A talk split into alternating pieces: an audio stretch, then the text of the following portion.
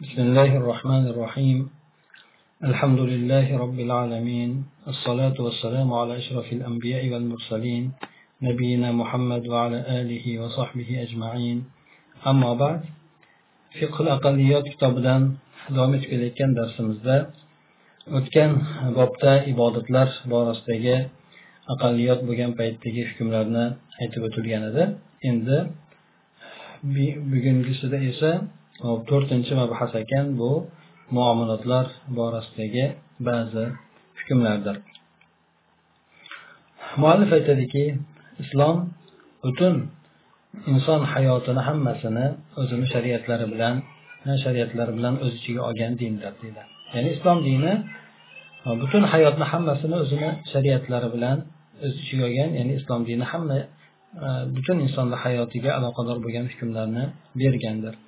Insonni xoliqi bilan bo'lgan aloqasini ham insonlarni bir birlari bilan bo'lgan aloqasini ham bular ho yoki shaxs tartibida bo'lsin yoki jamoalar tartibida bo'lsin shularni aloqalarini tartiblab bergandir. Ya'ni bularni insonni hamma aloqasiga demak shariat daxldor bo'lib kirgandir. Inson albatta bunga uzlat degan narsa insonga yarashmagan yarashmagan yoki bo'lmasa uzlat insonga hop insonni tabiatida bo'lmagach hamda inson o'zini tirikchilik ishlarini boshqalar bilan birgalikda o'zaro manfaatlarni almashishlik asnosida ro'yobga chiqarishligi mumkin bo'lar ekan. Shariat insonlarni o'rtasidagi bo'lgan bir birlari bilan bo'ladigan muomalotlar ishlarini hukm qiladigan bir qonun qoidalarni qo'yib bergandir. Hamda bu qonun qoidalarni haq adolat ustiga asoslangan sog'lom bir asoslarda bino qilgandir. Ya'ni hech qanaqangi bir siqintiliksiz hech qanaqangi bir qiyinchiliksiz haq adolat ustiga qoyim bo'ladigan sog'lom asoslar asosida bino qilgandir ya'ni qurib bergandir. Birinchi matlabda demak musulmon bo'lmagan kimsalar bilan birgalikda muomala qilishlikda vorid bo'lgan nususlar hamda ayni o'zi muomalatlar bobidir. Muomalat degani bu dunyo ishlariga aloqador bo'lgan shar'iy hukmlardir. Bularni yurgizishlik uchun hamda uni saqlashlik uchun o'sha dunyo ishlarini yurgizib ularni o'z o'rnida saqlab qolishlik uchun shu dunyo ishlariga aloqador bo'lgan shar'iy hukmlardir masalan bulardan oldi sotdi qilishlik ijora ya'ni hop arenda degan narsalar mana shunga o'xshagan yollanishlik shunga o'xshagan masalalar bu yerda umumiy suratda musulmon bo'lmagan kimsalar bilan muomala qilishlikni joiz qiladigan qonun qoidalar ham bor nusus iboralar ham bordir. Ya'ni musulmonlardan boshqalar bilan birga muomala qilishlik aslida joiz amallardan ekan buni dalillaridan qur'oni karimda kelganki ومن أهل الكتاب من إن تأمنه بقنطار يؤديه إليك ومنهم من إن تأمنه بدينار لا يؤديه إليك إلا ما دمت عليه قائما ذلك بأنهم قالوا ليس علينا في الأميين سبيل ويقولون على الله الكذب وهم يعلمون oli imron surasida kelgan bu oyatda alloh taolo aytadiki ahli kitoblarni har xil toifalardan iborat ekanligini bayon qilgan holatida ulardan ya'ni ahli kitoblardan ba'zilari borki sizlar e, siz ularni ularga katta bir boyliklarni ishonib topshiradigan bo'lsangiz ham sizga uni hech qanaqangi xiyonat qilmasdan ado etishadi. Ulardan ba'zilari borki bir bir dinorni omonatga qo'yadigan bo'lsangiz ham uni sizga ado etmaydi. Illo siz o'shani qattiq to'lib talab qiladigan bo'lsangiz undagina ado etishadi xolos o'zlaricha ado etishmaydi xiyonat qilishga harakat qiladi. Bu sababi bunday bo'lishligini sababi ular aytishadiki ummiylar bizni zimmamizda ummiylar borasida hech qanaqangi yo'l yo'q deb ular aytishganligi hamda mana shu sababli deydi ana ular alloh taologa o'zlari bilgan hollarida yolg'on narsalarni to'qishadi.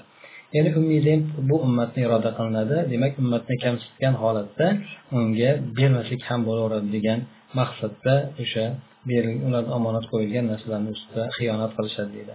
Mana bunday bo'lgan holatlar hozirgi davrimizda ham ancha muncha uchrab turadi. Ya'ni musulmonlarni ho'p mensimagan holatda ular bergan omonatlarni ado etmasdan o'zimiz diyorlarimizda ham boshqa joylarda ham kuzatishlik mumkin. Mana shunday uslublarni musulmonlarga nisbatan qo'llashadi bu yerda demak e, muomalat mumkin ekanligiga bo'lgan oyat bu oyat e, ya'ni omonat qo'yishlik bir biriga nisbatan e, bu ham odamlarni o'rtasidagi bo'lgan muomalat ishlardan bo'ladi. Mana shu oyat o'sha narsaga ruxsat bergandir. Sunnatdan kelgan rivoyat esa buni umul mo'minin oysha roziyallohu anhu rivoyat qilgan ekan. Payg'ambar sollallohu alayhi vasallam yahudiy bo'lgan odamdan bir taomni bir muddatgacha sotib olgan ekanda uni evaziga o'zini qalqonlarini e, nimaga qo'ygan ekanlar? E, omonatga garovga qo'ygan ekanlar. Shuni berib turib garovga qo'yib turib o'zi bir taomni sotib olgan ekan. Yana payg'ambar sallallohu alayhi vasallam bir yahudiy odamdan bir tovarni ya'ni imkoniyat keng topiladigan paytgacha sotib olganligi ham sobit bo'lgandir. Maysara degani maysara insonda imkoniyat topilishligi ya'ni aytiladiku masalan imkoniyatsiz bo'lganda berasiz deb turib. Shunday imkoniyat bemalol bo'lgan paytigacha bir tovarni payg'ambar alayhissalom sotib olganligi sobit ham bo'lgan ekan. Abdurahmon abi bakr roziyallohu anhu rivoyat qilgani esa bu kishi aytadilarki biz payg'ambar sallallohu alayhi vasallam bilan birga edik. Bir mushrik odam bir qo'y podani olib kelib qoldi.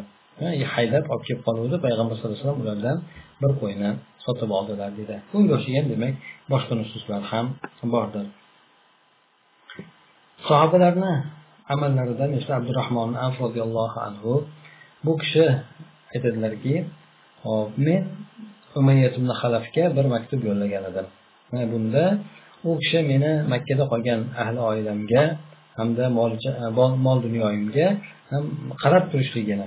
Men esa u kishini madinadagi bo'lgan mol dunyosi shunga o'xshagan narsalarni saqlab berishligini evazida bir maktub yo'lladim yozdim deydi.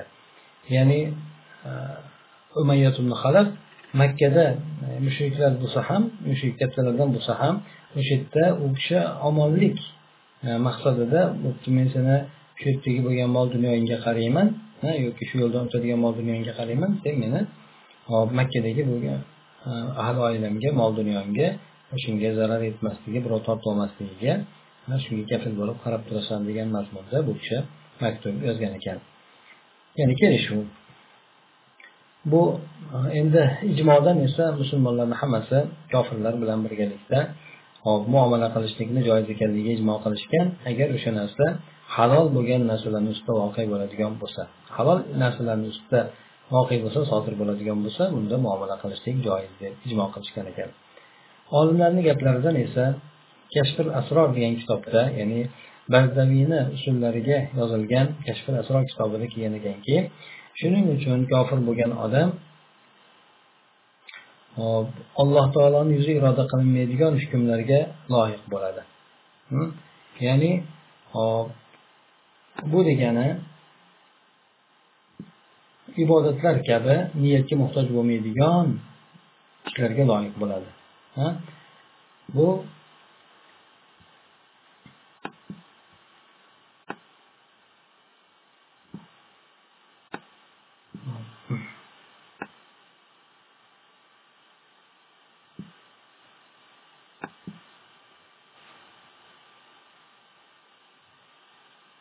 hop albatta e, ibodatga e, o'xshagan niyatga muhtoj bo'ladigan ishlarda ularga bu narsalar e, joiz emas endi. Agar shunday bo'lmagan narsalar bo'ladigan bo'lsa masalan oldi sotdi shunga o'xshagan narsalar bo'ladigan bo'lsa bular bilan bemalol muomala qilib ketilaveradi hop chunki kofir bo'lgan mushrik bo'lgan odam o'sha muomalatlarni ado etishlikka loyiq bo'lgandir. Chunki ular dunyo odamlari. Shuning uchun bu bunday muomalalarni ado etishlikka loyiqdir ular ahldir demak endi muomalatlardan talab qilinadigan narsa dunyo manfaatlaridir. Demak oldi sotdidan bo'ladigan narsalar hammasi dunyoda kimdir e, bir tovarni egasi bo'ladi kimdir pul egasi bo'ladi xullas kalom odamlarni o'rtasidagi o'sha dunyo manfaatlari ro'yobga chiqishligidir bular ya'ni kofirlar deydi dunyo ishlariga musulmonlardan ko'ra loyiqroqdir. Chunki ular dunyoni oxiratga do'sti afzal bilgan kimsalardir ibn battol aytadiki kofirlarga muomala qilishlik umumiy suratda joiz. Illo musulmonlarga qarshi ahli harbga yordam beriladigan narsa bo'lsa uni narsani sotishlik joiz emasdir dedi. Ya'ni kofirlarga qurol sotiladigan bo'lsa bular musulmonlarga qarshi qo'llaydigan bo'lsa bu narsa joiz emasdir ibn hajar rahmaulloh aytadilarki kofirlarga muomala qilishlik hop ayni o'sha muomala qilinayotgan narsani haromligi harom ekanligi ro'yobga chiqmaydigan narsalarda joiz bo'laveradi. Ya'ni muomala qilinayotgan narsalar nima? Muomala qilinayotgan narsa harom bo'lmasligi kerak. Masalan aroq masalan bu narsani ustida muomala qilinishligi ayni o'zi o'sha narsani o'zi haromdir. Shu narsalar demak ro'yobga chiqmagan narsalarda ya'ni halol bo'lgan narsalarda muomala qilishlik joiz bo'laveradi. O'zaro o'rtalaridagi bo'lgan muomalalari e'tiqodotlar ularni e'tiqodotlarini buzuqligiga e'tibor qilinmaydi e'tibor qilinmasligi bilan shu narsa muomala qilishlik joiz bo'laveradi ya'ni kofirni e'tiqodiga qaralmaydi endi. U mushrikmi yoki boshqa narsami lekin dunyoviy muomala o'rtasida bo'laveradi. Yuqoridagi oyatlar ham hadislar ham e, rivoyatlar ham sahobalardan kelgan olimlarni gaplari ham umumiy majmuasi bilan kofirlarni kitobiy bo'lsin hamda butparasi bo'lsin ular bilan birgalikda muomala qilishlikni joiz ekanligiga dalolat qiladi. Demak asli bular kofirlar bilan dunyoviy ishlarda bir biriga muomala qilishlik asli shar'an joiz bo'lgan amal ekan. Ikkinchi matlab endi muomalotlardagi ba'zi masalalar. Birinchi masala musulmon bo'lmagan diyorlarda ribo bilan muomala qilishlikni hukmi sudxo'rlik bilan muomala qilishlikni hukmi. Jumhur olimlar hmm, ribo harom ekanligiga buni ozimi ko'pimi farqi yo'q ha uni hop islom diyoridami dorul harbdami uni harom qilishligi hech qanaqangi farqi bo'lmagan holatda riboni harom ekanligini aytishgan ekan olimlar. Islom diyorida nima harom bo'lgan bo'lsa bu dorul harbda ham xuddi shu narsa haromdir bu yerda farqi yo'q. Ikkita musulmonni o'rtasida joriy bo'ladimi? Bu harom bo'lgan narsa yoki ribo bo'lgan narsa yoki musulmon odam bilan harbiyni o'rtasida sodir bo'ladimi? Farqi yo'q. Demak bu narsalar harom bo'lgani harom bo'laveradi. Musulmon odam zoril harbga zoril harb degani musulmonlarga qarshi urush olib borayotgan davlat aytiladi. O'sha joyga omonlik bilan keladimi? Ha omonlik viza bilan masalan yoki usiz o'zi bekitqicha o'g'rincha yo'l bilan keladimi? Farqi yo'q bu yerda. O'sha ribo bilan shug'ullanishligi muomala qilishligi mumkin emas deb aytgan ekan buni imom molik shofiy imom ahmad avzoiy abu yusuf hanafiylardan va u kishilardan boshqalar ham shu gapni aytishgan ekan. Bu hambaylar mazhabidagi sahiy bo'lgan gap ham mana shu gap ekan. Bular bu aytayotgan narsasiga ushbu narsani dalil qilib keltirishgan deydi. Birinchisi ziyoda bo'lishligi hamda tafozil bir biridan tafovut qilishligini harom ekanligiga hukm qiluvchi bo'lgan xabarlarni umumiy kelganligi. Ya'ni albatta ribo ziyodalikni o'z ichiga oladi. Hamda tafozilni o'z ichiga oladi. Bu ziyodalik tafozil degani masalan o'n so'mga o'n ikki so'm qilib qaytarishlik e, shunga o'xshagan yoki talab qilishlik shunga o'xshagan narsalarni. Demak yana bu xabarlar umumiy suratda tafozulni bir harom qilgan ya'ni musulmonlar musulmonni o'rtasida demagan kofirlar musulmonlar o'rtasida kofirlar kofirlar o'rtasida demagan. Umumiy suratda indamasdan o'sha narsa o'zi kelganki odamlarni o'rtasida shu bir biriga muomalasida e, tafozilni bo'lishligi bu ribo fazilni bo'lishligi yoki ribo nasiya bo'lishligi bu narsa harom ekanligi e, xabarlar kelgan ekan.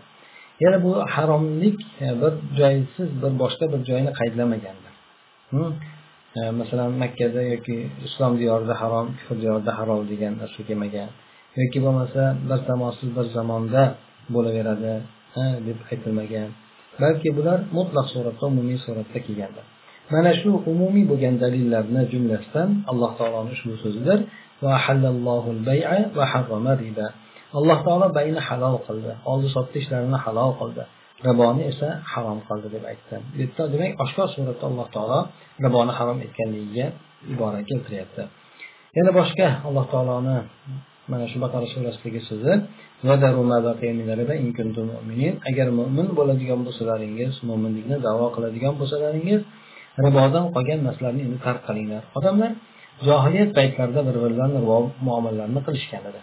Ha shariatda mana shu narsaga haromlik kelgandan keyin tamom endi alloh taologa iymon keltiradigan bo'lsanglar mo'minman deyotgan bo'lsanglar demak o'sha sizlarni birovlarga bergan sudxo'rlik asosida bergan mablag'inglar boshqa bo'lgan narsalar hammasini tark etinglar. Ribo sudxo'rligini olmanglar degan oyatni dalil qilib keltirilyapti. Bu demak riboni umumiy suratda aytdi. Ya'ni qaysi joy qaysi diyorda mumkin mumkin emas degan narsaga bu yerda kirib borilmadi.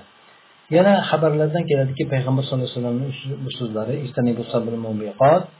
ya'ni yettita halok qiluvchi insonni umrini bu dunyoligini vayron qiluvchi bo'lgan narsadan chetlaninglar degan. Bu yerda bularni orasida zimmasida e, zimnida riboni ham zikr qilib o'tganlardir. Ya'ni ribo ham o'sha yettita halol qiluvchi bo'lgan narsalardan birisi hisoblanadi. Mana bu nususlarni hammasi hmm, riboni umumiy suratda harom ekanligini ifoda qiladi.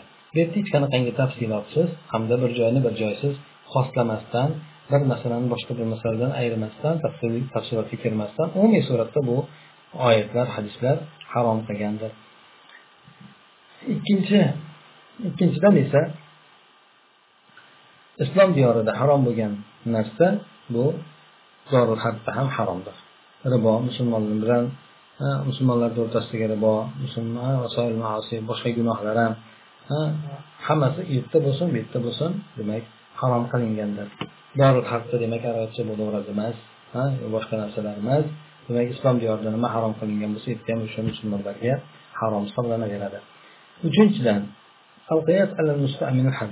uchinchi dalil esa bizni diyorimizga omonlik bilan kiradigan omonlik bilan kiradigan ya'ni viza bilan kiradigan harbiy o'sha mustamanga qiyos qilishlik. Ya'ni harbiy degani o'sha askar. Omonlik so'rab kelayotgan masalan aytaylik amerika askariga demoqchi. Misol olib beradigan bo'lsak yoki yahudiy askariga lekin omonlik bilan kirgan viza bilan kirgan omonlik davlat omonlik bergan o'sha odamni kirishligiga. O'sha yerda hop davlatga qarshi ish qilmaydigan kelib o'zini ishini bajarib ketadigan bu kirgan joyiga zarar bermaydigan bir oddiy bir odam endi. Bunday bo'lgan odam bilan birgalikda ribo muomalasini qilishligi harom ekanligiga olimlar ijmo qilishgan. Ya'ni islom diyoriga kirgan bo'lsa u bilan muomala qilishlik harom ekan. Endi agar musulmon odam dorul harbga kiradigan bo'lsa bunda masalada ixtilof qilishgan ekan olimlar bu yuqoridagi toifadagi olimlar aytishgan ekanki u o'sha joyda ham baribir kofirlar bilan birga ribo bilan muomala qilishlik joiz bo'lmaydi deyishgan ekan. Imom shofiy aytgan ekanlarki dorul harb ulardan ya'ni musulmonlardan farzni soqit qilib yubormaydi. Ulardan shuningdek ro'zani ham namozni ham soqit qilmagandek boshqa farzlarni ham ulardan soqit qilmaydi. Dorul harb yurgandan keyin ro'za tutmasa bo'laveradi yoki namoz o'qimasa bo'laveradi emas balki balki albatta ro'zasini tutish kerak e, namozini o'qish kerak yana boshqa farzlarni ham imkon qadar ado etishlik kerak bo'ladi. Shofiy yana aytgan ekanlarki al harom fi daril islam haromun fi daril kufr. Islom diyorida harom bo'lgan narsa kofir diyorida ham haromdir. Bu farq qilmaydi degan ekanlar. Imom shavkoniy aytgan ekanlarki e, hukmlar e, musulmonlarni qaysi joyda topiladigan bo'lsa ham qaysi joyda mavjud bo'ladigan bo'lsa ham musulmonlarni lozim tutuvchidir dorul harb shar'iy hukmlarni nashr qiluvchi emasdir deydi demak bu hozirgi bo'lgan yuqorida aytib o'tilgan dalillarda jumhurni asosan masalasini keltirib o'tgan e, ribo muomalasini qilishlik kim bilan bo'lishidan qat'iy nazar bu narsani joiz emas deb aytishgan ekan. Lekin hanafiy mazhabidagi olimlar abu hanifani o'zlari ham doril harbda kofir bo'lgan odam bilan ribo muomalasini qilishlik mumkin deb fatvo berishgan. Buni bir tomonlama xolos bir tomonlama deganimiz musulmon odam ulardan olishligi mumkin berishligi emas. Ya'ni ularga musulmon odam bironta bu oshcha pul beradigan bo'lsa masalan yuz ming desa ulardan yuz yigirma ming qilib olsa bo'laveradi. Lekin yuz yigirma ming olibdi yuz ming e, yuz ming olibdi yuz yigirma ming bersa unga ruxsat berishmagan. Sababi sababi doril harbdagi o'zi asli kofir bo'lgan odamni dorul harbiy bo'lgan odamni mol dunyosi o'zi halol bo'ladi. Bu odam modomiki o'zini uslubi bilan halol o'zini uslubi bilan mumkin joiz bo'lgan suratda musulmon odamga u narsani taqdim qilayotgan musulmon odam ishlatsa bo'laveradi o'sha narsani deb degan mazmunni aytishgan endi lekin musulmon odam ularga riboni berishligi bo'lmaydi. Musulmon odam ulardan olishligi esa o'lja ulardan xuddi go'yoki o'lja miqdorida bo'ladida musulmon odamga buni to'rtdan beshdan birini o'sha nimaga chiqarishligi kerak bo'ladi. Baytulmolga chiqarishligi kerak bo'ladi deb aytishgan. Ana o'sha masalaga binoan ba'zi olimlar masalan imom qarzoviy bo'lsin yoki yevropadagi fatvolar zati bo'lsin amerika yevropadagi bo'lgan yana boshqa boshqa olimlar hozirgi hammasi bo'lgan olimlar yevropadagi ehtiyojni qattiq sezganligidan odamlar uy joylarni shu bank orqali olishligiga ruxsat berishgan bo'ladi faqatgina bu masala ya'ni shaxsiy masala hisoblanadi. Har bittada umumiy suratdagi fatvo emas har bir shaxsni o'ziga qarab turib fatvo beriladi. Berilganda ham bu yerda o'sha shaxs haqiqatdan ehtiyoji qattiq bo'lishligi o'sha uy olishlikka hamda uni boshqa kirim bo'lgan o'rni bo'lmasligi ya'ni imkon sotib olishlikka imkoniyati bo'ladigan bo'lsa unda ruxsat berilmaydi. Hop keyin esa masalan bir odam yevropada bo'lsin amerikada bo'lsin yigirma yil yigirma besh yil o'ttiz yillab kvartirada turib ishga pul to'lab turadida lekin oxir oqibatda hech qanaqangi uyga molik bo'lolmaydi shundan bular shuncha bergani bekor ketib qoladi. Shundan aytishadiki o'sha odam masalan ham nima to'lasinda ijara to'lasin lekin o'sha ijarani uyini haqidan deb to'lasin boring ana o'n besh yil yigirma yilda bu odam o'sha uyini mablag'ini beradida uy o'ziga qoladi degan mazmunda demak musulmonlardagi qattiq ehtiyojni e'tiborga olgan holatda ruxsat berishgandir. Bu degani riboga ruxsat berishlik degani emas balki ba'zi hadislarda ham shariatni o'zi masalalarda riboni suratlardan ba'zilarini istisno suratida ruxsat berilgandir o'zi aslida ko'rinishligi bu ham ribo bo'ladi lekin shariat odamlarni ehtiyoji qattiq topilganligidan o'sha narsani ruxsatini bergan. Bunga bitta misol keltirib aytadigan bo'lsak masalan shariatda ruxsat berilgan xurmoga xurmoni almashishlik. Xurmoni xurmoga almashishlik birinchidan naqmanaq bo'lishlik kerak qo'lma qo'l bo'lishlik kerak. Ikkinchidan tafovut qilmaslik kerak. Bir kiloga ikki kilo almashtirib bo'lmaydi xurmoda lekin xurmoni bir odam borki xurmosi bor u odamni e, xurmosi ya'ni daraxtidadir bir odamni xurmosi bor bu odamni xurmosi qopidadir aytgani qoqisi bor. Bu odam o'sha e, rutab deyiladi ya'ni yangi bo'lgan xurmoni yeyishlikni xohlaydi. Shunga ehtiyoji bor endi. Bu odamga shar'an ruxsat berilgan qoqisini berib o'sha pishar paytida e, bu odamdan nimasini olishligi e, rutab bo'lgan ya'ni yangi bo'lgan xurmosini daraxtdan o'sha olib olib almashishligi demak shunga ruxsat berishgan. Hozirdan masalan unga qoq suratda boring ana yetmish kilo sakson kilo beradigan bo'lsa o'sha daraxtni ustidagi bo'lgan xurmosini to'qson kilo yuz kilo qilib oladi. Sababi o'n kilo o'n o'n besh kilosi shu suvga ham chiqib ketadi deydi. Quriganda demak o'sha tamirga aylanib qolgangacha ancha nimasini yo'qotadi. Hajm e, vaznini yo'qotadi.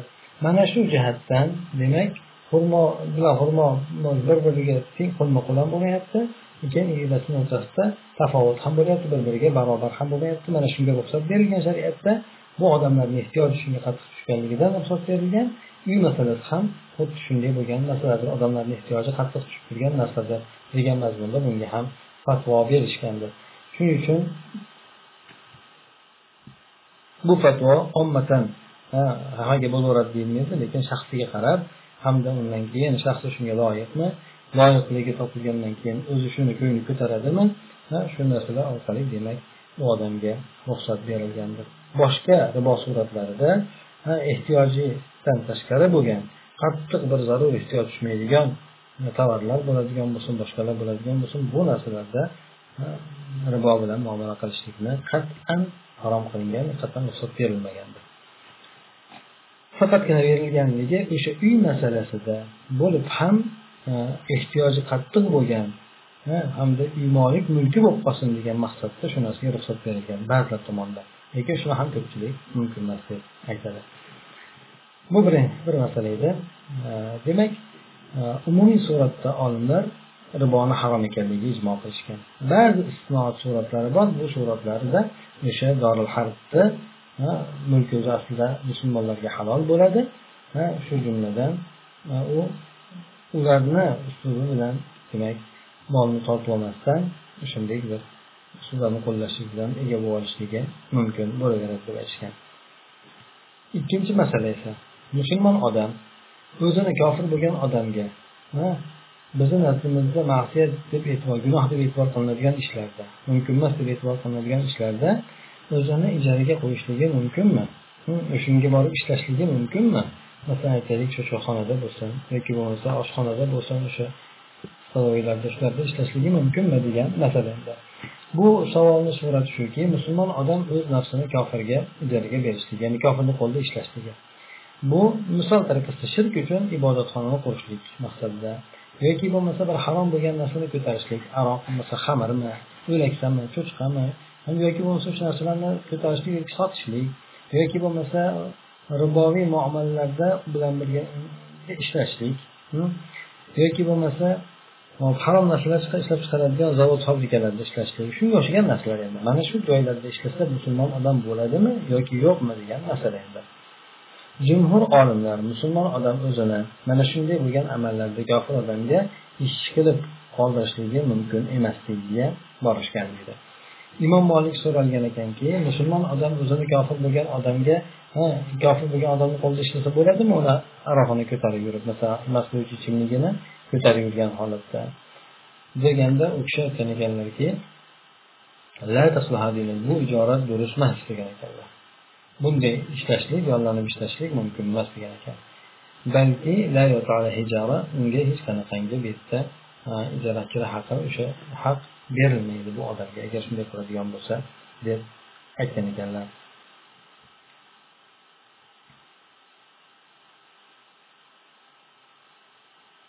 Hop unga yana o'sha ajri yoki bo'lmasa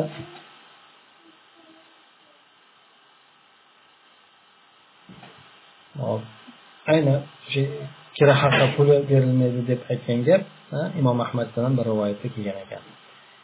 Ibn qosimdan mudovanash kitobida devon qilingan kitobda yozilgan ekanki hop kimki kofir bo'lgan odamni cho'chqalarini boqib beradigan bo'lsa mana shu to'g'risida aytgan ekanki kofirdan hop kofirdan ijarani olinadi o'sha ish haqini olinadi. Hamda e, o'sha kofirniga odob bo'lishligi uchun miskinlarga sadaqa qilib yuboriladi. Musulmon odamga uni berilmaydi. Balki e, e, o'shani odob suratda unga urib qo'yiladi degan. Ya'ni bu yerda fatvo masalasida qozilik masalasida bir musulmon odam bir kofir bo'lgan odamni cho'chqalarini boqadigan bo'lsa bu narsa aslida joiz emas mabodo o'sha ishni qiladigan bo'lsa kofir odamdan o'sha odamga beriladigan ishchi puli haqi olinish haqi olinadida o'shani musulmonlarga miskin bo'lgan odamlarga sadaqa qilib yuboriladi deydi. Bu kofirga odob odob bo'lishligi shuni bilishligi uchun ham musulmon odamga berilmas ekan. Musulmon odamni jindekkina bir urib qo'yilar ekanki odob suratda shunday ish ha mumkin emas ekanligi deb aytgan ekan. Imom ahmad so'ralgan ekanki musulmon odam majusiy bo'lgan odamlarni ibodatxonasini qurib beraveradimi? Qurib bersa bo'ladimi? deganda yo'q ular uchun qurib bermaslik kerak. Omidiy aytgan ekan bu gapni. Yana shu imom shofiy bu narsani kerak ko'rgan ekan. Xuddi shuni misoli cherkovlar borasida ham ayni shudir. Ya'ni xristianlarni cherkovlarini qurib berishligi musulmon odamga mumkin emasdir. Yoki bo'lmasa kofirlarni ahli kufr nazdida e'tiborli bo'lgan narsa. Hop. Shunga o'xshagan masalalar endi cherkov bo'lsin ibodatxona bo'lsin sinagog bo'lsin xullas kalom mana shunaqa bo'lgan narsalarni yoki bo'lmasa kofirlarga gunoh bo'ladi e, kufrga aloqador bo'lgan hamda islomga to'g'ri kelmaydigan narsalarni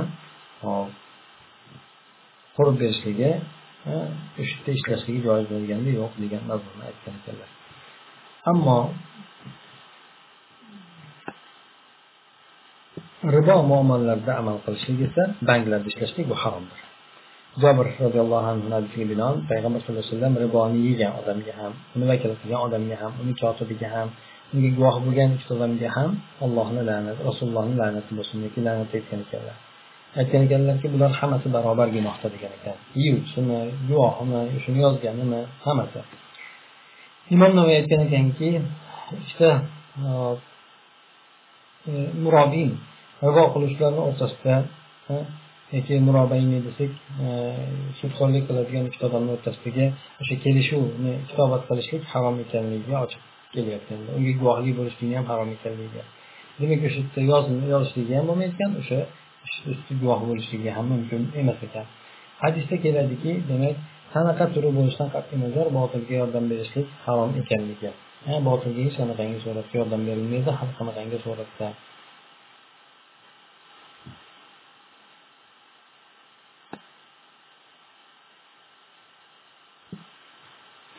Bu yerdagi demak umum mutlaqdir. Umum kelgan mutlaqo kelgan hech narsa qaydlanmagan ya'ni bir zamonga yoki bir shaxslarga nisbatan qaydlanmagan umumiy suratda kelgan hop ya'ni dorul islomdami dorul kufrdami bunda amal qiladigan odamlarni o'rtasida ham farqsiz suratda keltirib o'tilgan ekan. Biz bu bilan shu narsaga xulosa qilamizki deydi musulmon odam kofirlarga shu kufri uchun diyorlarni qurib berishligi ibodatxonalarni qurib berishligi harom bo'lar ekan. Yoki ularni oldida hop aroq sotuvchi bo'lib ishlashlik cho'chqa sotuvchi bo'lib ishlashligi yoki boshqa bir harom narsani savdosi bilan shug'ullanib ishlashligi mumkin emas ekan chunki bu ishlarni o'zi harom bo'lgan ishlar qilinar ekan. Agar endi o'shanga majbur bo'lib qolsachi o'shanday ishlashlikka boshqa ish yo'q bo'lsachi o'sha ishdan boshqa ishni topmagan bo'lsachi bunda u odam zarrat holatga tushadigan bo'lsa joizdir lekin bu yerda bu qoidani yaxshilab mana shu ushbu qoidani amal qilish kerak ekanki zarurat o'zini miqdori bilan o'lchanadi zarurat qanchaga zarurat holati bo'ladigan bo'lsa o'sha miqdorida demak ishlab turishligi joiz bo'ladi. Bu odam demak qadar hojat qadridan miqdoridan o'tib ketmasligi kerak bu borada kengayib ketmasligi ham kerak. O'sha ishniki boyga orttirmaslik kerak yetarli bo'lgan narsa bilan kifoyalanishlik kerak. Ekan hamda o'sha holatdan voqelikdan chiqishlik uchun qattiq harakat qilib amal qilish kerak ekan. Ya'ni boshqa ishni topishlikka boshqa halol bo'lgan topishlikka harakat qilib ko'rishlik kerak ekan. Mujamma al ya'ni islom konferensiyasiga islom davlatlari konferensiyasiga fatoviy bo'lgan o'sha mujamma al fatvo bergan ekan. Hop hech qanaqangi bir zarurat bo'lmasdan hmm, hatto bir ehtiyoj yoki zarurat bo'lmasdan oshxonalarda ishlashligini harom ekanligi shu narsaga fatvo bergan ekan. Ya'ni bu yerda bu oshxonalarda aroq e, ichimliklar bo'lsin e, mast qiluvchi ichimliklar bo'lsin yoki cho'chqa bo'lsin shu narsa taqdim qilinadigan beriladigan oshxonalarda ishlashlik mumkin emas ekan. Hamda shirk ibodatxonalarini remont qilishlik bunda ishtirok haromligi hamda o'sha joylarga ulush qo'shishligi hmm, pul bilanmi yoki o'z jasadi bilanmi xullas bir hammasi harom bo'lar ekan. Ammo endi inson o'shanday bo'lgan oshxonalarda ishlashlikka majbur bo'lib qolsachi bunda quyidagi shart bilan joiz bo'ladiki o'zi o'sha aroqni aroq pul berishlik yoki uni ko'tarib olib berishlik yoki uni ishlab chiqarishlik uni bilan savdo qilishlik. Shunga o'xshagan bevosita o'sha ish bilan shug'ullanadigan odamlarni qatorida bo'lmasligi kerak ekan. Shuningdek hol o'sha cho'chqa go'shtlarini taqdim etadigan odamga taqdim etishlikka nisbatan shuningdek bo'lgan shu boshqa harom narsalarga shuningdek munosabatda bo'linadi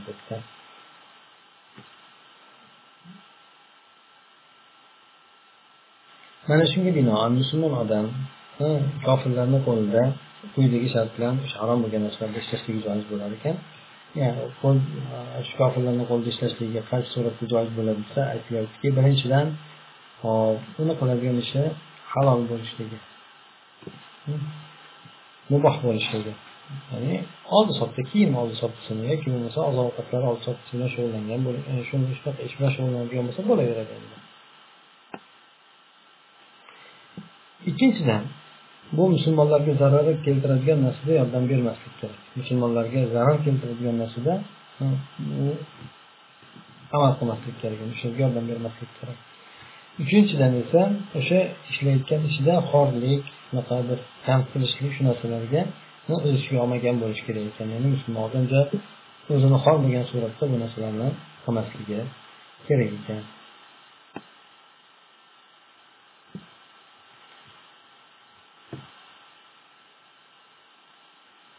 Mana shu demak e, shu kecha bo'lar e, demak yuqoridagi bo'lgan masalalar ba'zi e, muomalatlarga aloqador bo'lgan masala ham ularni ekan. Aslida mana bildikki kofirlar bilan oldi sotdi muomalani qilishlik bu joiz bo'lgan narsa buni dalillari ham shuncha lekin albatta inson qayerda bo'lsin e, ehtiyot bo'lishlik kerak haromlagan narsalarga tushib qolmaslik kerak bilib bilmasdan ya'ni allohdan bir taqvo qilib shu yo'lda harakat qiladigan bo'lsa albatta bu odam o'zini bir hayotdagi bo'lgan ishlariga bemalol halol bo'lgan ishlar bilan erishib olishligi mumkin bo'ladi.